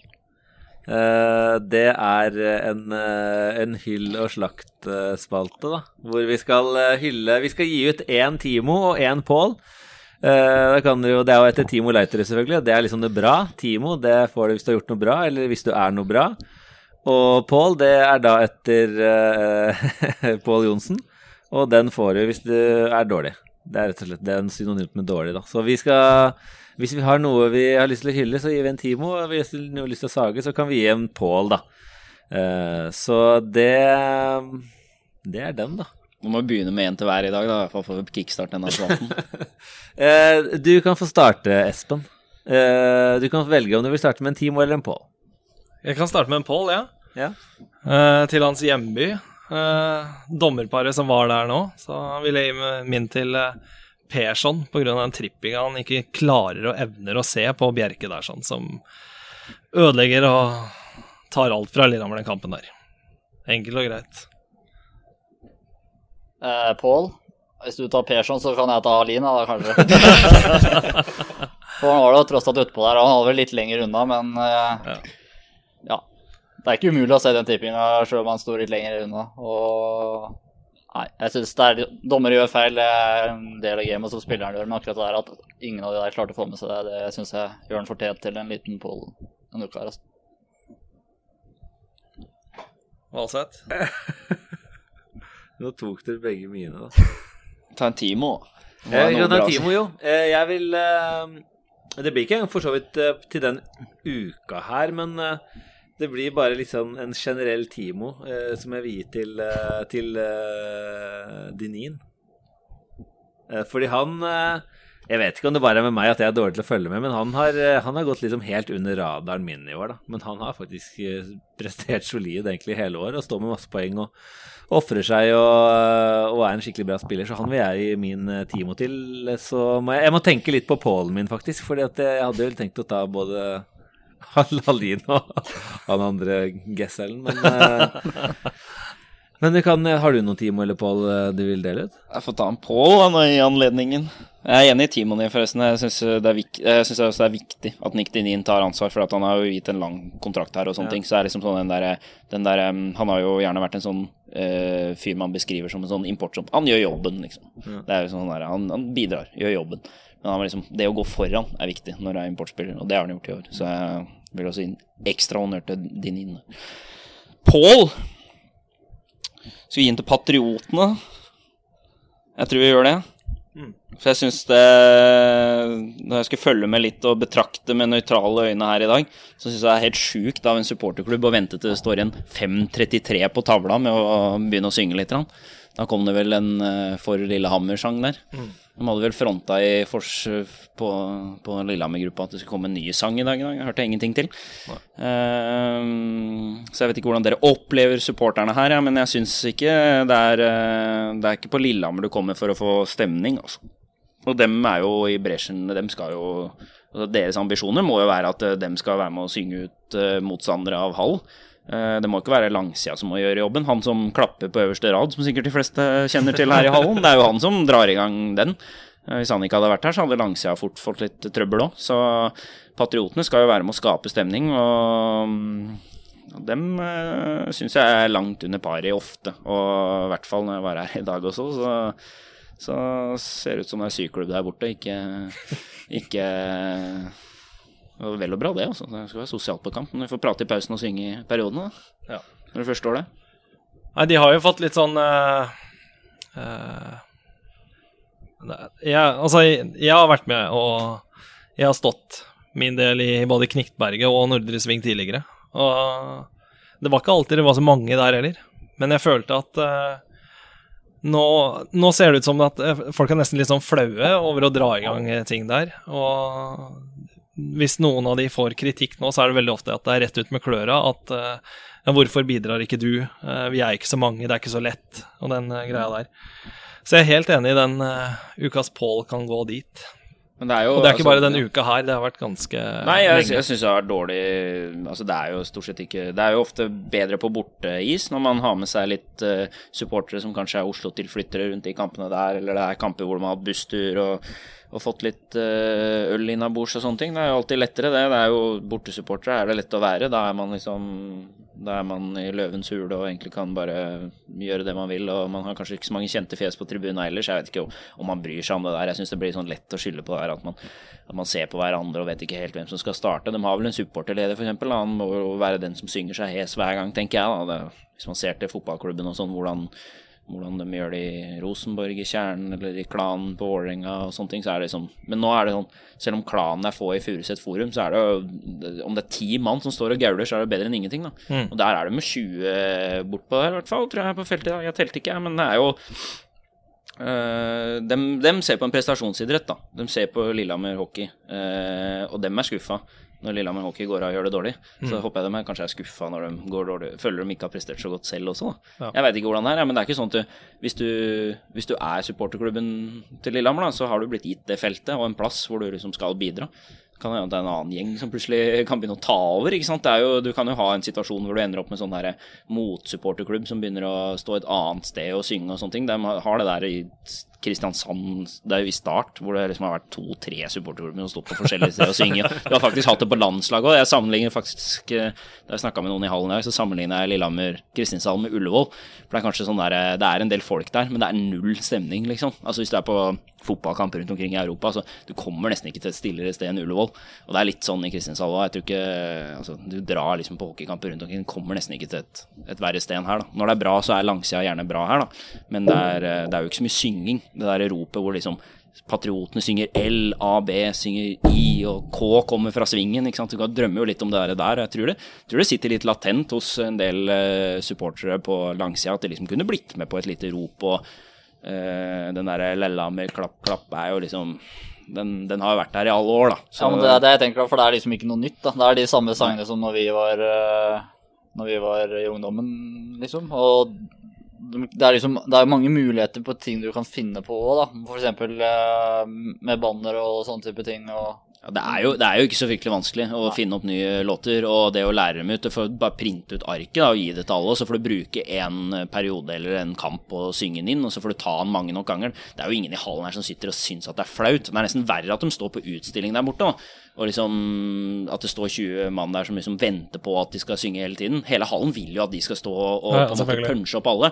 Og, men jeg, jeg syns kanskje det er blitt litt sånn, sånn Det blir jo fort en litt sånn egen klikk der borte. Da. Altså sånn patriotene eh, som, som, har fått sitt felt. Og så er det så vet du på en måte ikke om de er supportere eller om de bare er, det, er, det er den gjengen som er der borte. på en måte. Jeg, jeg syns det blir litt sånn, fordi at det, sånn der, i gruppa når noen du, du, var inne på det her, med kritikken. Det er liksom den der arma i kors, og bare når, vi, når du ikke står her, så får ikke du si din mening heller. Jeg syns jo den der Vi som følger Lillehammer supportergruppa på Facebook, er jo et rom for supportere å diskutere og på en måte komme med forskjellige meninger. Men der inne sitter det sånn tre-fire enkeltpersoner som er blitt en sånn elite. Så når de sier meninga si, så er det bare sånn Da er ikke, da er ikke mulig å si noe annet, da. Da er det bare sånn. Og så GD begynte å lage saker på noen som hadde skrevet der. Nei, da kaster vi ut journalisten, da. Det går ikke.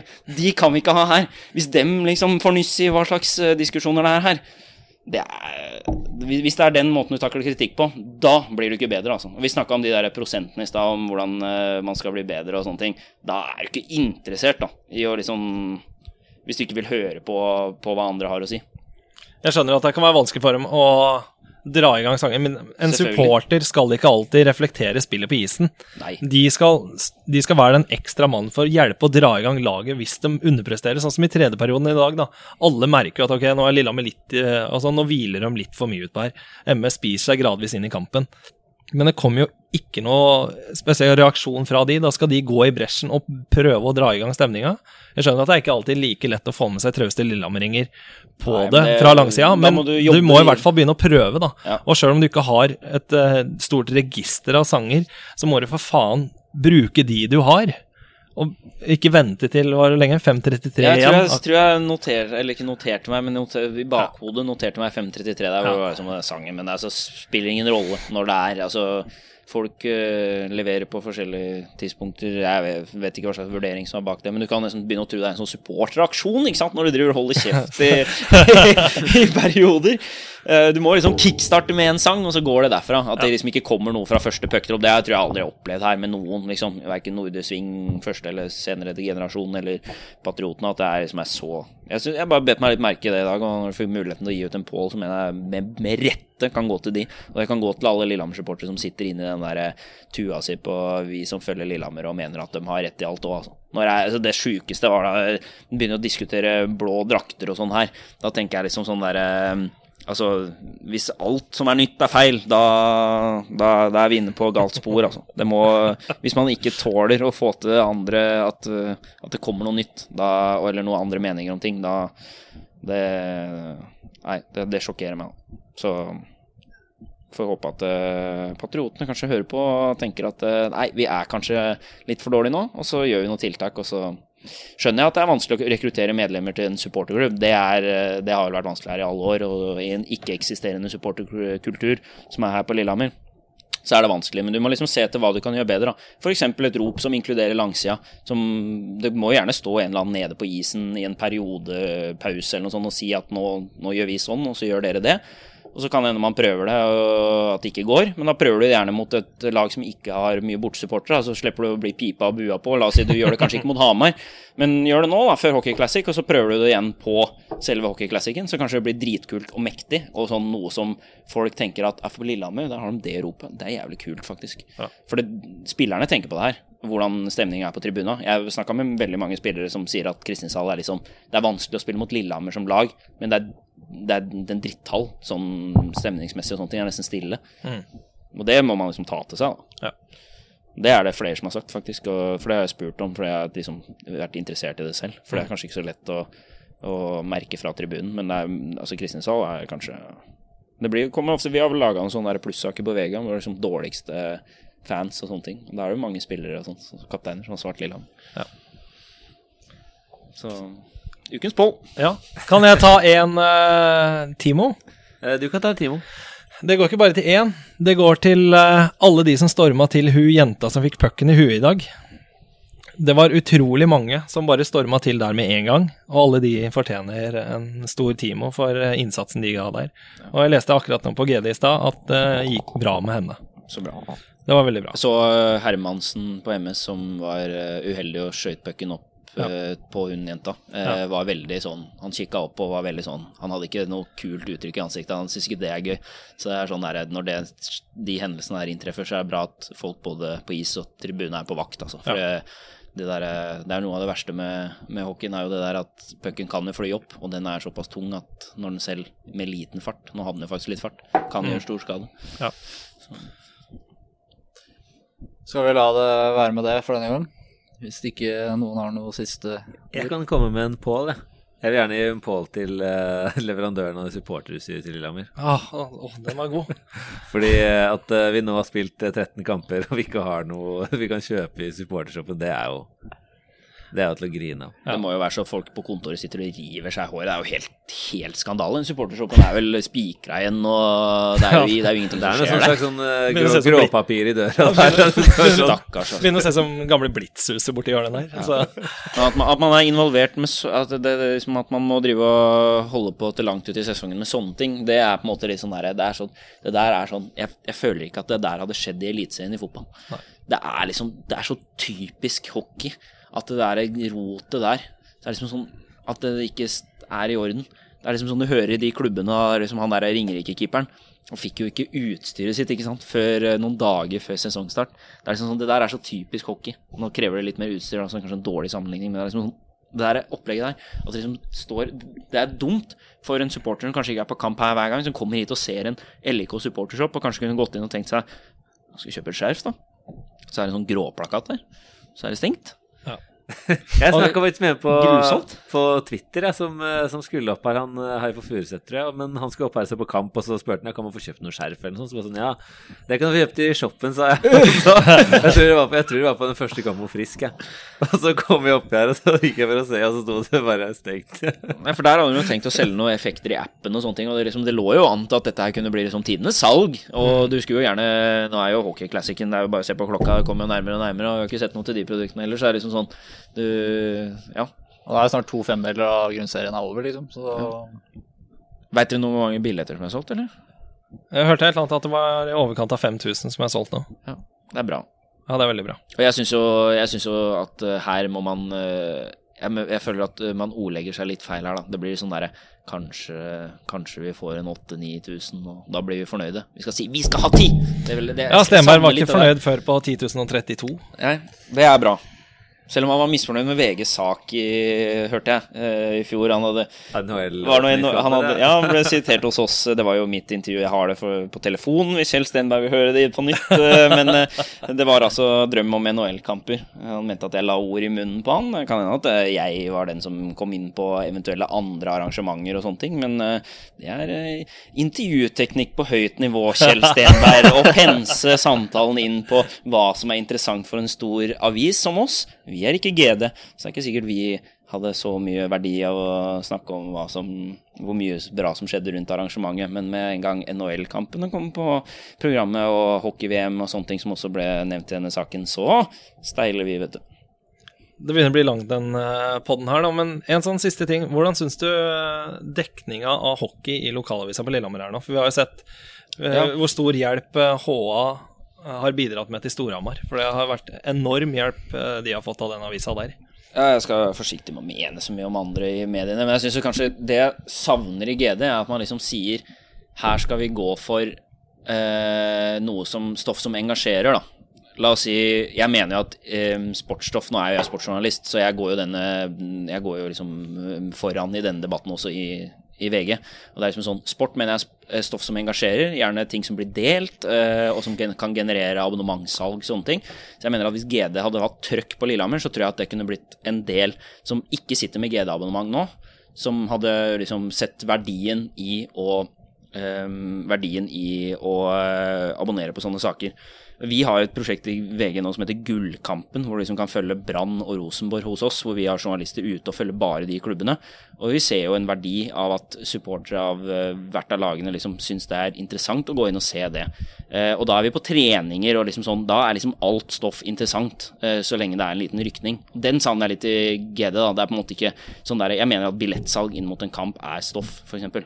Uh, det er sjelden de liksom det er sjelden de eh, er på det der som HA gjør. Da. HA kanskje, jeg, jeg tror de sa mm, Jeg snakka med en tidligere kollega av meg som nå jobber i HA, som sier det er, er liksom 60-70 saker i måneden nesten. da. Det er liksom, det er kjempetrøkk. Og på kampdag er det liksom tre mann, fire mann på, til stede. Her er det jo én, stakkar. Det er liksom sånn Jeg gremmes da når jeg ikke hadde sett eh, Lillehammer-Storhamar, måtte se den i opptak fordi jeg var på jobb på Manglerud Star mot Ringerike på søndag og liksom skulle se Lillehammer-Storhamar, og så ser jeg på Twitter at det koker om den trippinga til Sondre Bjerke og sånne ting. Eh, og så kommer jeg på GD, da, prøver å se etter noen sak, fins ikke noen sak. Det er bare en sånn live-oppdatering med hva som skjedde i kampen, og liksom, det holder ikke. Så går jeg til TV 2 da, begynner å se på klipp, og ting kommer ut der. Og jeg rekker jo å se kampen i opptak jeg, innen at jeg går på GD og finner denne saken om kampen. Og så tok jeg screenshot av det. Publiseringstidspunktet var vel 21.55, altså på en kampsak hvor det var sånn herre Vi tapte Kjipt å tape sånne derbyer. Ikke det var nevnt den Sondre Bjerke-trippinga, men eh, det ble litt for sent for meg. Så um, da hadde jeg alt lest om det og andre steder. Det er litt synd at GD ikke dyrker dramaet som var til stede der. Eh, Det, det blir litt sånn Kanskje det er fordi det er én mann, eller jeg vet ikke hvordan de dekte den kampen, men det er på en måte Der syns jeg, jeg Jeg tror ikke de ser verdien, da. Det, igjen, de som bestemmer, eh, det er GDs redaktører. Hvorfor ikke se verdien i hockey? Jeg tror at det sitter ganske mange Altså, du har en, du har jo en fanbase her på det er jo 1500 her stort sett uh, jevnlig på kamp. Det er jo 1500 mulige abonnenter, er det ikke det? Jeg, altså, jeg tipper at ikke alle de er GD-abonnenter, men hvis de hadde fått mer stoff, så hadde jo, hadde jo sikkert uh, flere vurdert å kjøpe. Jeg, jeg vet ikke hvordan de angriper dette her, det har jeg virkelig ingen peiling på, men jeg syns kanskje den er litt Jeg syns kanskje de kunne trøkka til mer, da. Det, det, det gjelder å sette litt på gasspedalen. Men sånn som um, han um, Anders Espe som ble nevnt i starten her, er jo et fint hockeystudio etter kampene som på en måte er et tilleggsprodukt som jeg mener er verdt å være abonnent for å kunne se. Uh, intervjuer med spillerne, du gir spillerne et ansikt. Det der er jo ting som hjelper klubben nå. At du får intervjuer med folk etterpå. Folk stiller opp om de har gjort en bra ting, men også om de har gjort en dårlig ting.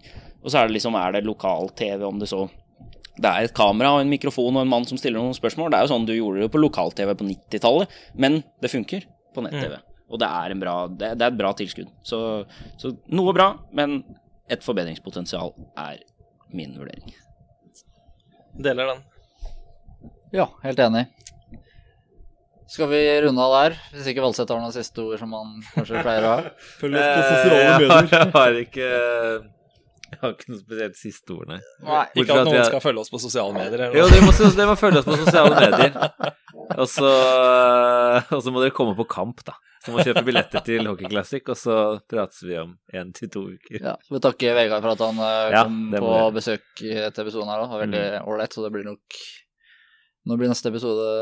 Én til to uker. Det blir ikke eh, tirsdag, onsdag, torsdag neste uke, for da er jeg, i Liverpool og ser på Champions League. Vi trenger ikke deg. Vi trenger ikke deg for hver episode. Du velger det foran Lillehammer Stjernen altså?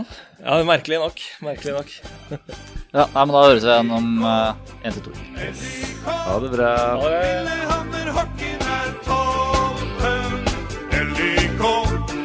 Rødt og hvitt. Laget er som